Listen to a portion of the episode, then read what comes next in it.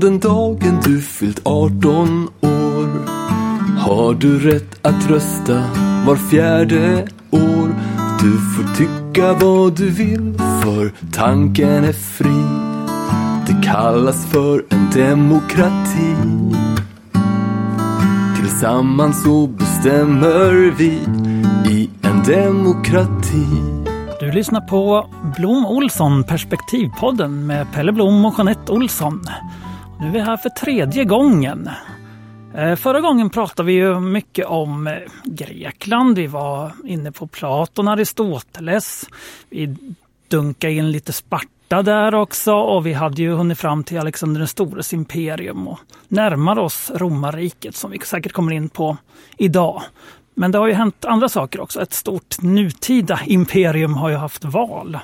Vi tittar ju, riktar våra blickar mot USA och det är kanske inte konstigt för det påverkar oss ju ganska mycket direkt vad som händer i det stora landet där i väst.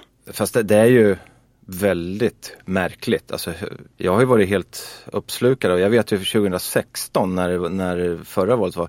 Jag kommer ihåg då vi var ett stort gäng som gick och käkade lunch med varandra. Liksom, och jag sa det, jag kommer deppa ihop om Trump vinner då. Liksom. Och när han vann, jag tror det tog två veckor för mig att komma tillbaka. För, det var så deprimerande just med tanke på vilken förändring i ledarskap det var. Liksom. Och, och utifrån min synvinkel så är det liksom, har det bara bevisats att det var så också någonstans. Så nu har jag suttit, jag, jag försökte slå ifrån mig alla tankar. Alltså under flera dagar så gick jag inte in och kollade någonting. Men sen när jag väl gick in, när, när man börjar säga att det börjar liksom de här ticka, de här valgrejerna. Jag tror jag satt halva natten och, liksom, och lyssnade på det här liksom, och blev alldeles uppslukad av det. Men egentligen är det sjukt hur vi är fokuserade på USA i vårt land. Det är, och det är inte bara nu när det är val, det är ju rent generellt, det är alltid på nyheterna. Ja, och jag tänker också att det är ju ett val som är en del i vår globalisering det, sett i det sammanhanget så påverkar vi varandra vad som än händer. Alltifrån att en fabrik som kanske producerar vissa komponenter går i konkurs, vilket påverkar någon här i, i Örebro för att det, det företaget importerar det. Och USA har ju eh, en fot inne lite överallt i världen kan man väl säga. Mm. Eh, och påverkar genom sitt Ja, men hela deras, alltså USA, jag tror att, att, man, att man eller att vi är så fokuserade på det, framförallt kanske då liksom någonstans västvärlden är väl att de sett, eller har gjort i alla fall, satt en sorts standard för resten av världen, vare sig man vill det eller inte. Så har ju USA ofta gjort det, gått in och, alltså man, de har ju sett som någon sorts världspolis någonstans. Men jag tänkte, jag vill koppla lite, du, du nämnde någonting med imperier där i början liksom. Och frågan är ju om eh, vi pratar mycket om imperier, det romerska imperiet och det kommer komma andra imperier, Alexander den store och hela, alltså är det här ett imperium som håller på att falla samman just? Det är ju min poäng tror jag att det är det för att eh, någonstans. Sen vad det, vad det innebär kan man ju alltid diskutera men om man tittar på USA som land så är det ju inte direkt något föredöme som det ser ut idag med tanke på hur folk har det i USA med arbete och med social välfärd och hemlöshet och Alltså det är otroliga klasskillnader och, och, och alltihopa. Så att det, det, är, det är en intressant aspekt i hela det här. Tittar man på USA och deras eh, sätt att arbeta med demokratin, de säger ju att de är ett demokratiskt land. Jag kan inte riktigt skönja Trumps ledarskap. Nej, nej men jag, jag tänkte så här när man pratar om det här att jag kan, inte, jag kan inte tillräckligt mycket om amerikansk politik för att gå in i detalj och titta på det här och det här. Det här. För vissa menar att Trump har gjort bra saker med arbets eh, med ekonomi och sådana grejer. Jag vill inte ge mig in utan det handlar mer om det här större ledarskapet med och det, det är ju demokrati vi gärna vill diskutera i den här podden och, och där kan man ju alltid diskutera. Är USA ett fullt ut demokratiskt land? Det är det ju i, ja, hur ska man säga liksom att eh, om man tittar på det rent teoretiskt så, så är det ju det. Men hur man agerar i vissa lägen så kan man ju alltid fundera, vart är de på väg? Faktum är att jag läste, jag läste bara någon artikel här idag när vi står och spelar in det här så såg jag att nu under den här Trump-perioden så var det tre olika institut som har gjort undersökningar kring demokrati i världen. Som alla tre pekade på att USA har ju gått ner ifrån en topposition och faktiskt rasat i den här listan för att vara demokratier och man har flaggat för att om Trump hade vunnit och fortsatt sitt, sin, den här politiken så hade man antagligen kommit in i samma som vissa andra länder då som jag tror att de eh, plockade fram till exempel Brasilien som har varit inne i den här populistiska svängen också. Och de här Ungern och, och Polen och alla de som, som man hela tiden plockar upp någonstans. Mm. Och det är, samma, det är samma retorik, det är samma manual, det är samma sätt hur man jobbar för att skapa sig den här ytan. Och det är där Trump har gjort så bra någonstans. Eh, om man står på den sidan och vill ha det på det sättet. Så, så tillvida så, så kan man ju alltid diskutera de här grejerna. Sen så finns det en aspekt till och det tror jag, eh, jag vet att du Jeanette ibland är inne på just det här med hur eh, USA har agerat ute i världen, liksom eh, apropå demokrati. Mm. Alltså mitt perspektiv är ju att de har ju varit en aktör i många länders demokratiska utveckling eller liksom i olika länders regeringsformer har de ju haft en stor del och agerat och och jag kan tycka ibland, eller jag kan tycka och se att det har inte varit schysst spel alla gånger utan vissa länder behöver få utvecklas i sin egen takt utan att, att eh, man lägger sig i. Jag tänker också när man tittar på USA, alltså någonstans har de ju tagit sig eh, mandat att vara storebror i världen och vi ser ju på dem så, det rapporteras i media och det gör ju att det, det blir en misstänksamhet hos folk kring det här med det som rapporteras men också kring att vi bara får så ensidig information om USA, vad de gör. Antingen är det svart eller vitt. Men jag ser de här nyanserna som jag försöker skönja nu när man tittar på jag tänker på de här rikena som vi har pratat om, de här skiftena som har ägt rum och hur de till slut liksom har bråkat internt med varandra. Och att det nästan är samma situation som uppstår idag. Och USA då är inne på andras territorium och nu är de inne i sina egna och bråkar. Om vad egentligen?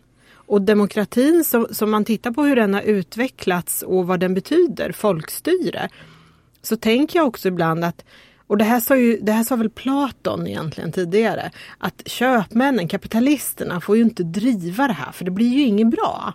Det var ju liksom jättegamla tankar. Och idag tittar man på USA hur det har utvecklats. Är det en dollardemokrati som mm. styr?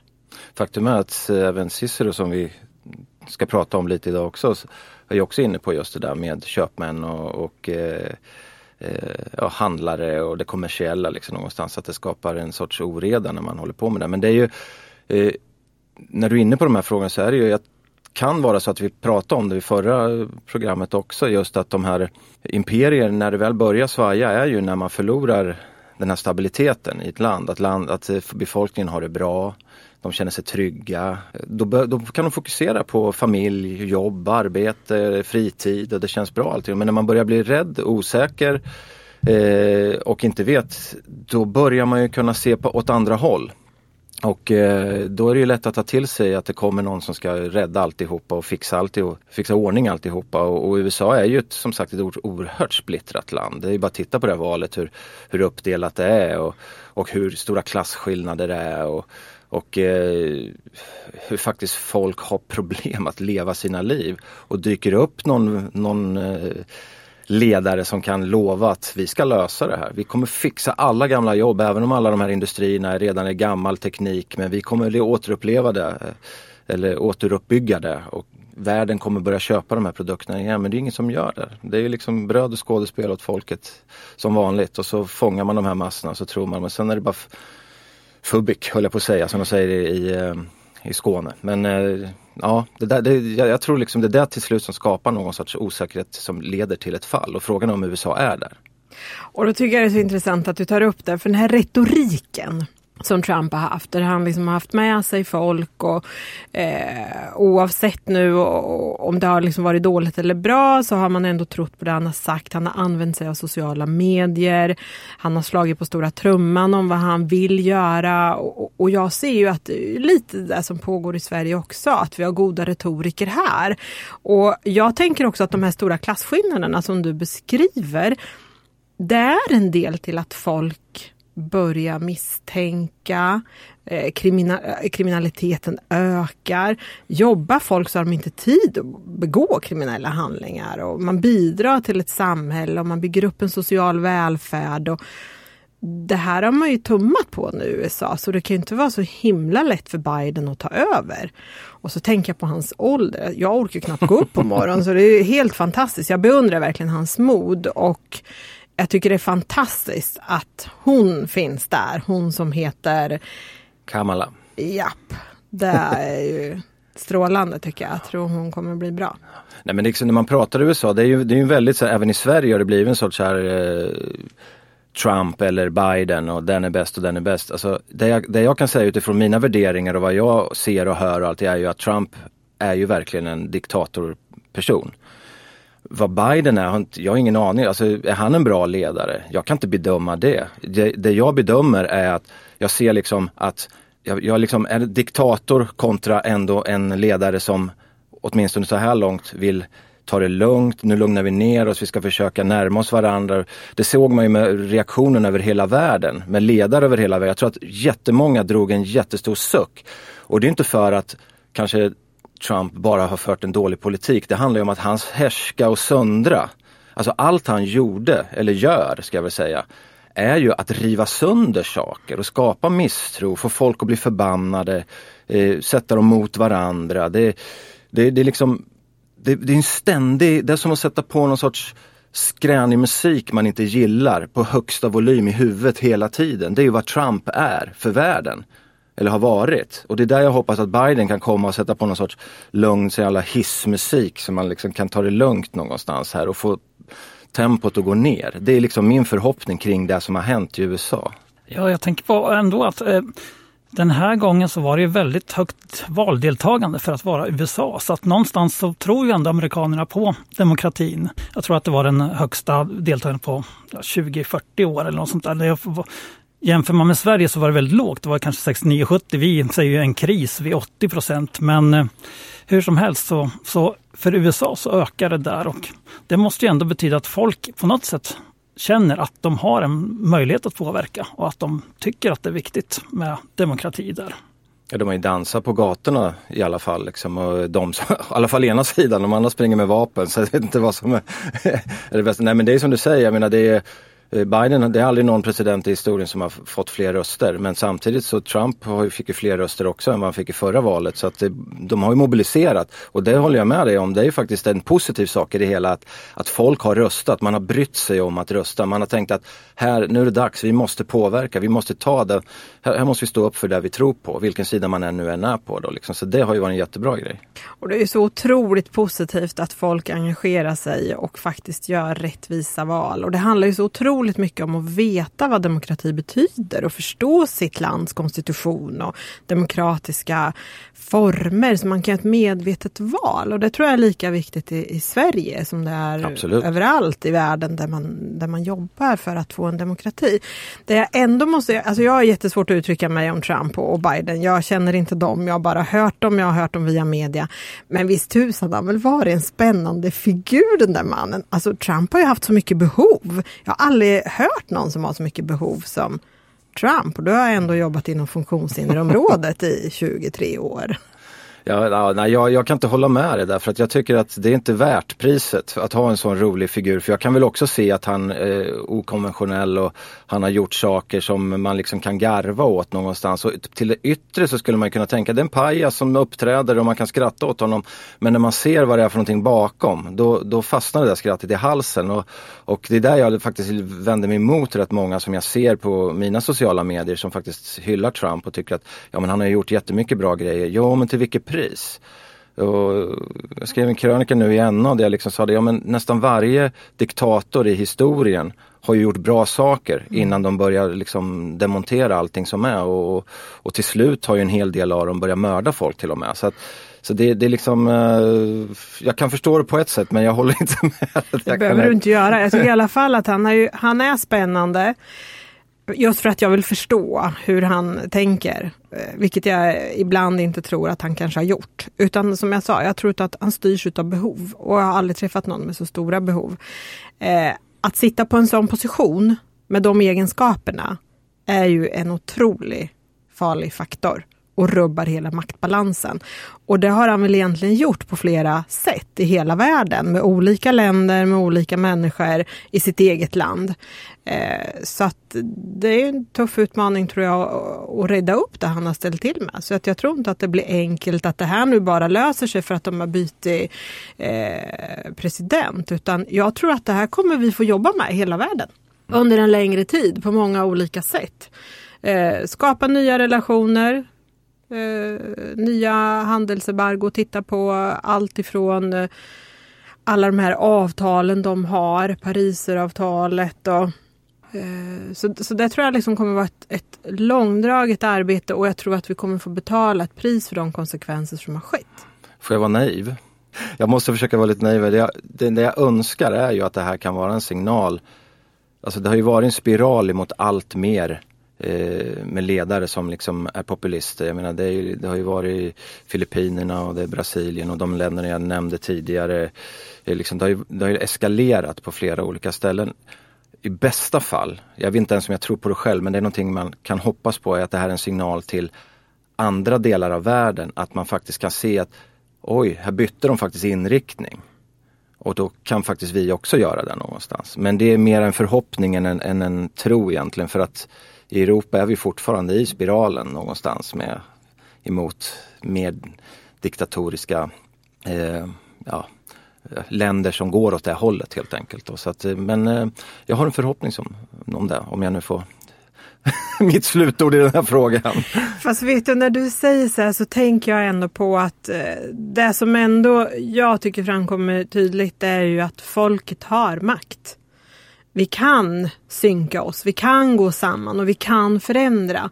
Och som vi började när vi började prata om våran podd och när vi pratade om Panorama så pratade vi om gräsrotsrörelserna.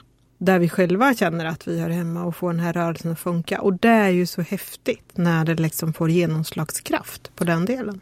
Uh, nu blev det inga slutord för mig för nu kommer jag med ytterligare Nej. Nej men det var dök upp i huvudet att uh, jag har inte hunnit sätta än men jag såg, uh, jag läste den här boken av Anne Applebaum tror jag heter här för någon vecka sedan som jag läste klart den som handlar om demokratins skymning.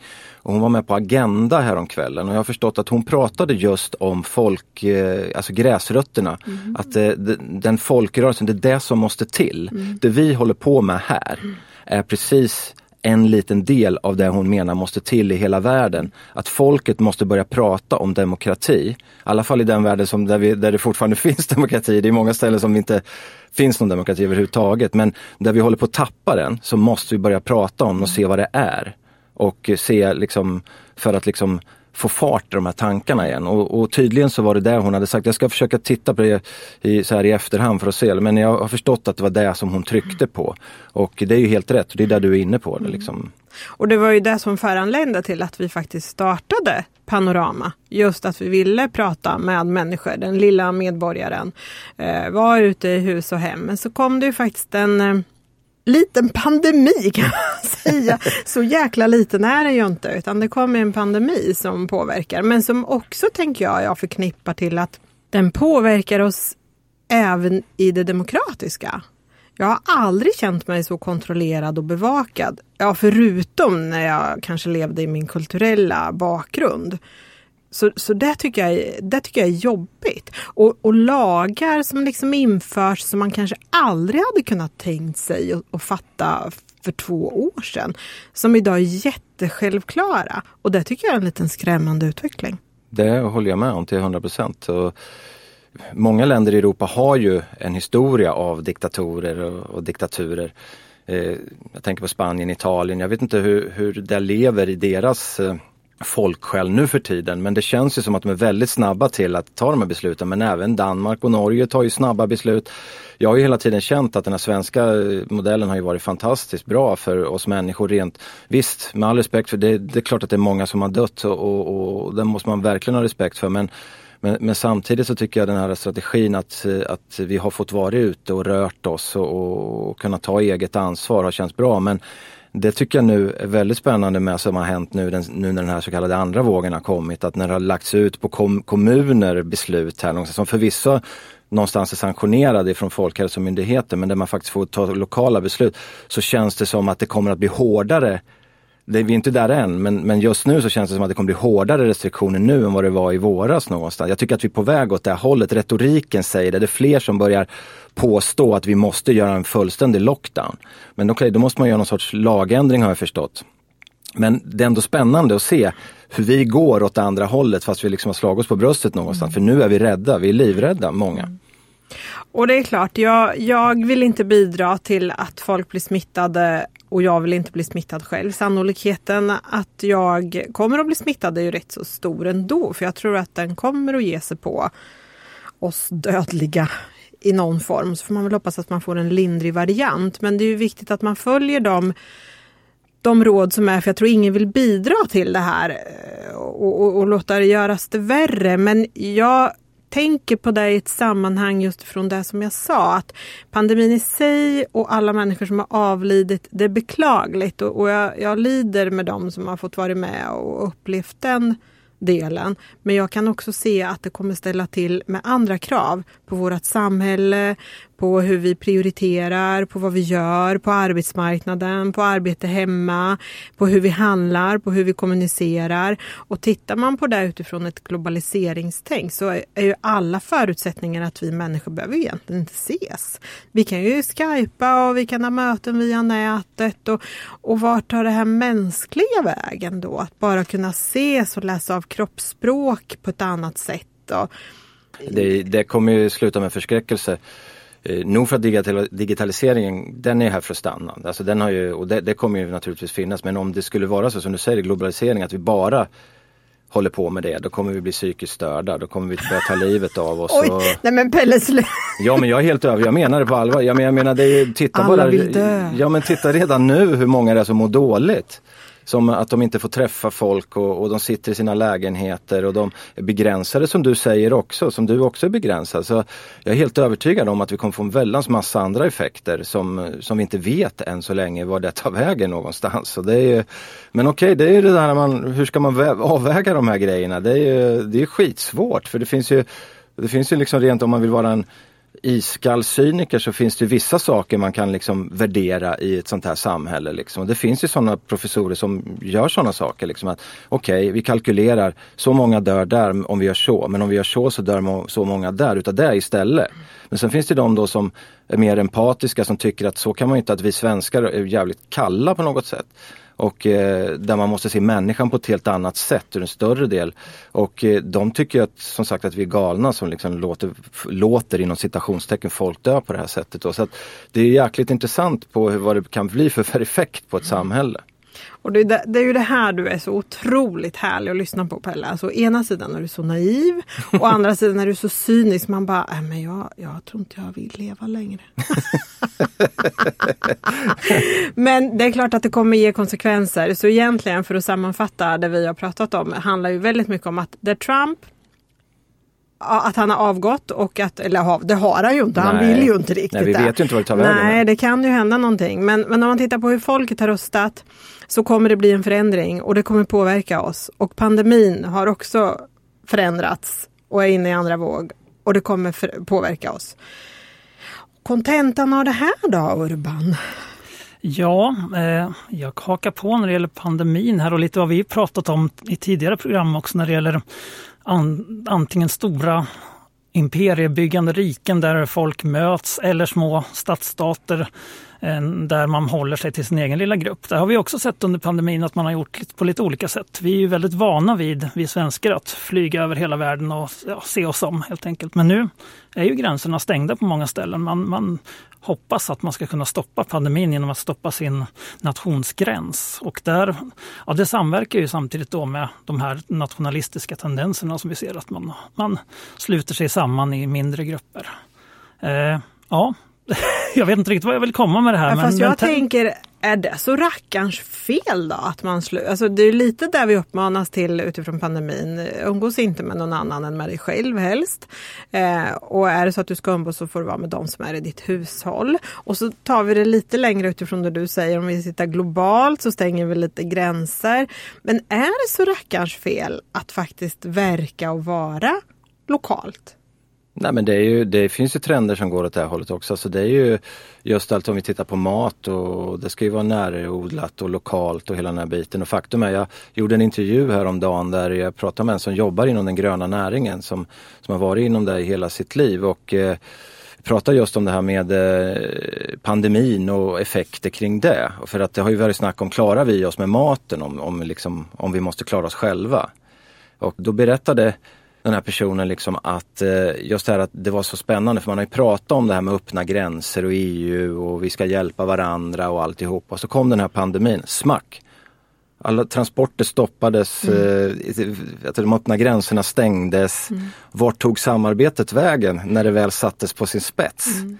Det är ganska intressant. Liksom vad, nu, är det här, nu, nu ser det ut som att vi på det sättet ändå klarar oss. Liksom. Eh, det har ändå fått komma mat och, och, och sådär så att vi klarar oss. Men, men just själva principerna att nu ser vi enbart till oss själva. Jag tycker att helt jag tycker inte, du, du frågar, är det så fel sa du? Nej, jag tycker inte det är fel att man kanske gör det lite mindre och man, man eh, tyr sig till varandra lite mer och landet, familjen och vad det är.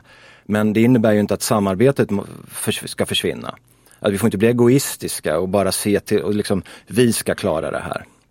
Utan det är ju liksom vi behöver inte resa överallt. Vi behöver inte ge oss ut över att vara ute varenda sekund i, av året. Liksom och sådär. Men, men vi måste ändå kunna samarbeta för att hjälpas åt med de delarna som, som världen faktiskt står under stora problem på vissa grejer. Då.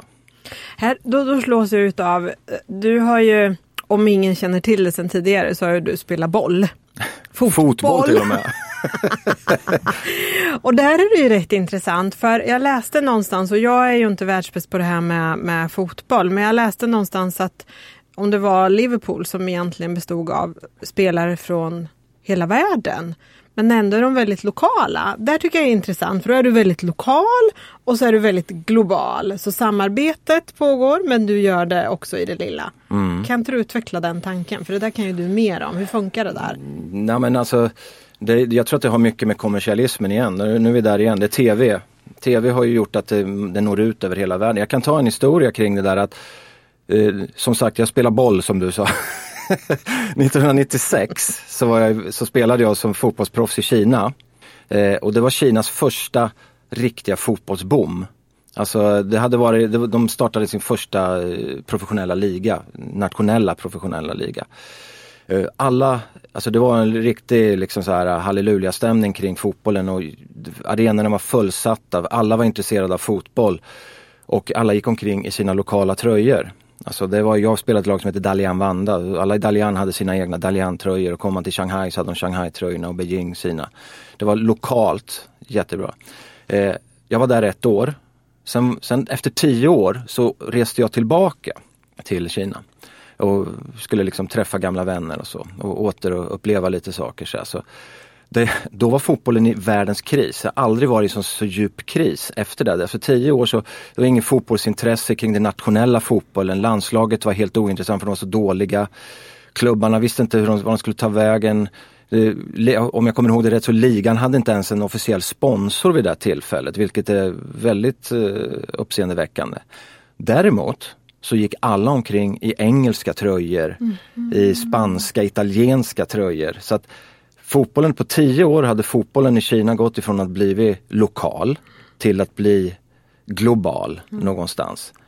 Så alla, nästan alla stora fotbollsklubbar i Europa, kanske i världen, men det är Europa jag har koll på mera. De har ju filialer i, i framförallt Kina men även i andra länder i, i Asien där det är mycket folk. Liksom, just utav kommersiella intressen. De vill, tjäna, de vill sälja tröjor eh, och sådana här saker, skapa intresse för att tjäna mer pengar. Det är där det handlar om. Så på så sätt så är ju det lokala, fotbollsmatcherna spelas i, i England, om vi nu tar Premier League då som exempel, som är den, den mest liksom kommersiella eh, kanalen, eller eh, fotbollsligan egentligen.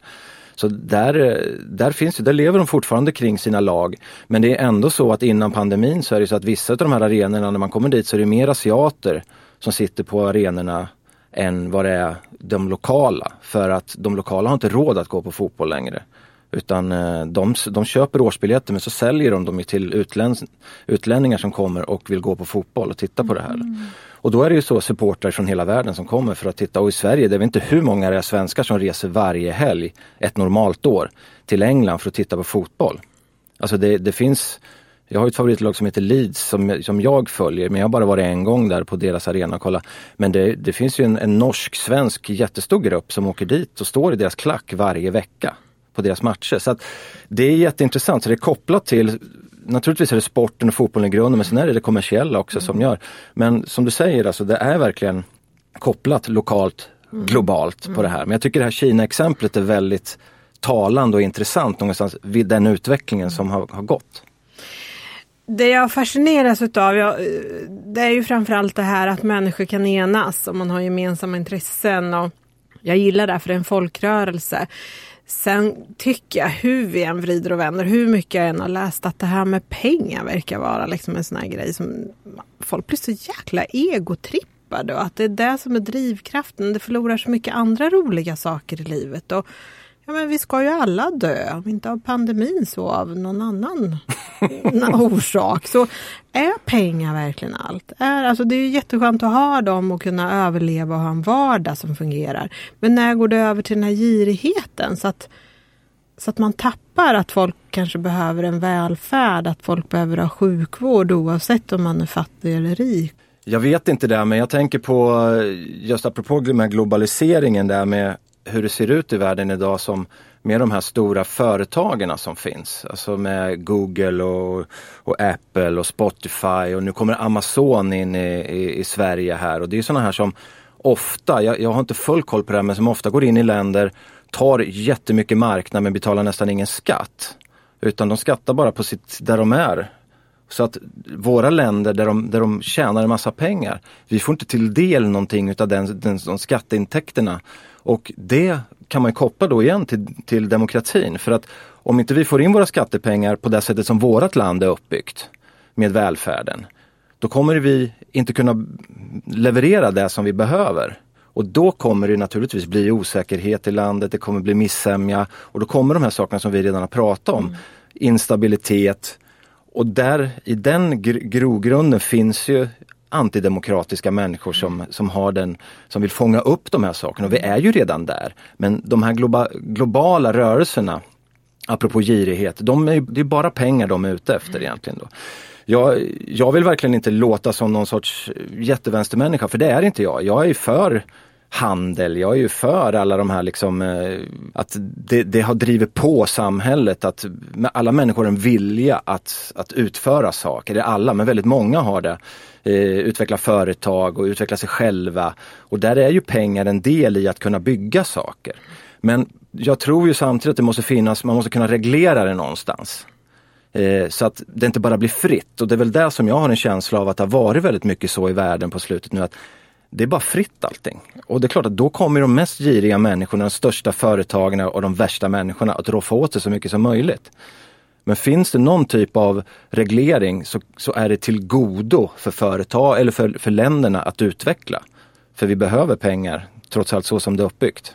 Och då behöver vi tänka på vilka ledare vi väljer, så där har du väl en poäng i det. Men jag tänker, jag slås av när du säger det, det är så vi i västvärlden har gjort mot andra länder. Det kanske, tänk om det blir ombytta roller? Ja, det är väl inte helt omöjligt. Alltså, det är ju det som, eh, jag var inne på Kina nyligen, jag menar det, om det nu är så att USA är en nation eller ett imperie som är på väg ner och tappar sin styrka. Asien har man ju pratat om ända sedan 90-talet, vet jag det skrevs böcker om nu kommer den röda, är det draken eller vad det är man brukar plocka fram som någon sorts metafor. Eh, men då var det Japan som var liksom jättestarka och började komma och man, nu kommer de ta över. Och, och sen har väl det snackats om Malaysia och flera olika länder. Då var inte Kina riktigt där än. Och sen har ju Kina kommit här efter det. Liksom. Så att Asien är ju jättestarka på alla olika sätt och vi glömmer ju ofta Indien som ett land också. Och Indien drivs ju av en om hindu-nationalistisk ledare där, som är jättepopulistisk och diktatorisk om jag har förstått saken rätt när jag läser det. Så att de, de som kommer nu, de starkaste krafterna, är ju ofta ifrån Asien och där har inte demokratin alls varit på samma sätt som den är i Västeuropa och USA. Det, och, och blir vi påverkade av det, som vi troligtvis kommer bli så som det ser ut just idag, men historien vänder ju snabbt. Då är vi rökta, skulle jag vilja påstå, om det får fäste. Nu har det varit cynisk och Mm. väldigt mörk två gånger. Ja, får man vara det? Nej, jag vet inte. Jag tycker vi har pratat så mycket om pandemier, USA och döden. Egentligen är ju livet rätt så kul, Pelle. Eller hur? Innerst inne. Vi har det väldigt bra. Vi får nog inte glömma bort att här i Sverige så är vi förskonade från så mycket. Vi har tak över huvudet, vi har mat för dagen. Flertalet av oss i alla fall. Eh, vi har problem att våndas med och det får vi inte blunda för. Däremot ska vi våga prata om dem och lyfta på locket. Och bevaka allt det här som vi har tagit upp idag. Det tror jag är jätteviktigt. Eh, för där det bidrar till när vi inte gör det, det är ju de här små konspirationsteorierna som dyker upp här och var och skapar en misstänksamhet inom den lilla människan men också i grupper. Och det tror jag är en fara. Eh, så egentligen jag tycker vi ska uppskatta det vi har. Det förändrar sig men vi får aldrig glömma vi kan vara med och påverka. Vi kan vara med och påverka. Kan USAs folk byta ledare för att de inte är nöjda, då kan vi göra förändring här också. Du är fin. du är en så fin människa. ja, nej men det är klart att det är så. Det, jag tror att en aspekt som, man, som jag, jag känner, som, om nu, nu har vi varit ute och varit globaliserade plötsligt, men om man brottar ner det till Sverige igen någonstans, det är att jag tror att vi har varit ganska outvecklade när det handlar om politik för att vi har haft så klara Mm. ledare under så lång tid. Jag menar Socialdemokraterna har varit så otroligt starka under, jätte, under hela mitt liv mer eller mindre fram till kanske de sista 15 åren någonstans. Där. Och eh, vi vet ju inte hur det är att leva i ett land där det finns en massa olika partier som håller på och förhandlar. Och det blir, alltså kolla ut i Europa hur det ser ut. Det dyker upp nya partier hela tiden och plötsligt tar de kommandot. Och, jag menar, vi har pratat mycket om Grekland. Jag tittade i någon text om Grekland så Grekland har gått ifrån diktatur till demokrati, till diktatur, till demokrati, till krig, till eh, militärdiktatur. Alltså det har ju, det pendlar. Vi har inte haft det, vi har ju haft en jättestabil historia i Sverige under jättelång tid. Men nu är vi, nu är vi inne i en helt ny tid. Och folk förstår kanske inte alltid att det är det som är demokrati när man håller på och förhandlar, den här januariuppgörelsen eller, eller senaste valet när svekdebatt dök upp. Bara för att vissa partier såg att vi vill inte vara med på den sidan, vi vill hellre vara med på den sidan. För det, det, där kan vi, våran politik gynnas bäst. Då såg man som en svekdebatt. Varje parti har ju sitt eget steg att ta och, och vilja liksom genomdriva sin politik. Det är det som är demokrati. Men där tycker jag att vi är, eh, vi behöver nog mogna i, i Sverige för att förstå det som sker inom landet. Ja men sen också öka kunskaperna. För när du pratar om de här sakerna så tänker jag på den folkgruppen som jag kommer från, romer, som har levt i demokrati, demokratiska länder, men alltid stått utanför demokratin. Och så tittar man på hur det ser ut idag när vi har många människor som kommer från andra länder, som kanske inte har levt i en demokrati utan levt i en diktatur. Och så tittar vi då på vad har man för kunskap om hur vi har byggt upp det svenska samhället då? Har man varit med på uppbyggnaden av det svenska folkhemmet och vad det innebar att faktiskt bidra till en statskassa för att vi skulle få en social välfärd? Vad får man då för blick när man kommer ny till Sverige och det har fungerat så i alla år och vi känner till det och vi bär det. Men om man inte vet om det, då är det ju otroligt lätt att inte förstå landet. Och som jag sa tidigare, e- ett folk i ett land måste förstå sin egen demokrati och uppbyggnaden utav det. För det är endast då man kan vara med och bidra. Att jag känner en samhörighet och jag faktiskt är lojal och bidrar själv. Och det här tror jag är jätteviktigt och det är ju det här som du och jag vill jobba med. Och då vill ju inte vi jobba i en digitaliserad eh, pandemivärld där vi träffar folk eh, online utan vi vill ju träffa människor. Vi vill ju kunna sitta på saluhallen, vi vill ju sitta i någons kökssoffa i trädgården, bli hembjudna för att prata just om det här. Vad är demokrati? Vad innebär det? Hur har vi byggt upp det här? Och då pratar vi inte bara om personer som är uppfödda och, och, och uppvuxna och har varit med sedan folkhemmet byggdes, utan vi pratar ju om alla människor. I Örebro i alla fall, i alla fall i länet. Sen får vi se om vi kommer på nationell nivå. Men så länge som vi har det här fula C-ordet då omkring oss så uppskattar vi verkligen de som tar sig tid att skriva till oss och ge lite feedback och ge sina perspektiv och då på de frågor som tas upp här och komma med egna frågor såklart. Och då är det som vanligt vår mejladress då panoramaföreningen gmail.com som ni hör av er till. Vi har ibland fått lite frågor om, om litteratur och sådär och det ska vi bli bättre på att lägga ut. Pelle nämnde bland annat en Applebaums bok här som vi eh, kan tipsa om och vi kommer att tipsa om fler böcker då kan ni, och som, som dels ingår i er kurslitteratur men sånt som vi stöter på och ni får gärna tipsa oss. Facebook-sidan är ju perfekt för den delen av, av eh, konversationen kring demokrati. Eh, Cicero och romerska riket, eh, imperiet där, det hann vi inte med så mycket den här gången men det får vi återkomma till nästa gång. Så kan det gå ibland. Ni har lyssnat på Blom Olsson Perspektivpodden avsnitt nummer tre. Ljudtekniker som vanligt Thomas TK Karlsson. Vignettmusiken var Tobias Svärds demokratimelodi från Små sånger för stora hjärtan. Jag heter Urban Århammar. Väl mött nästa gång.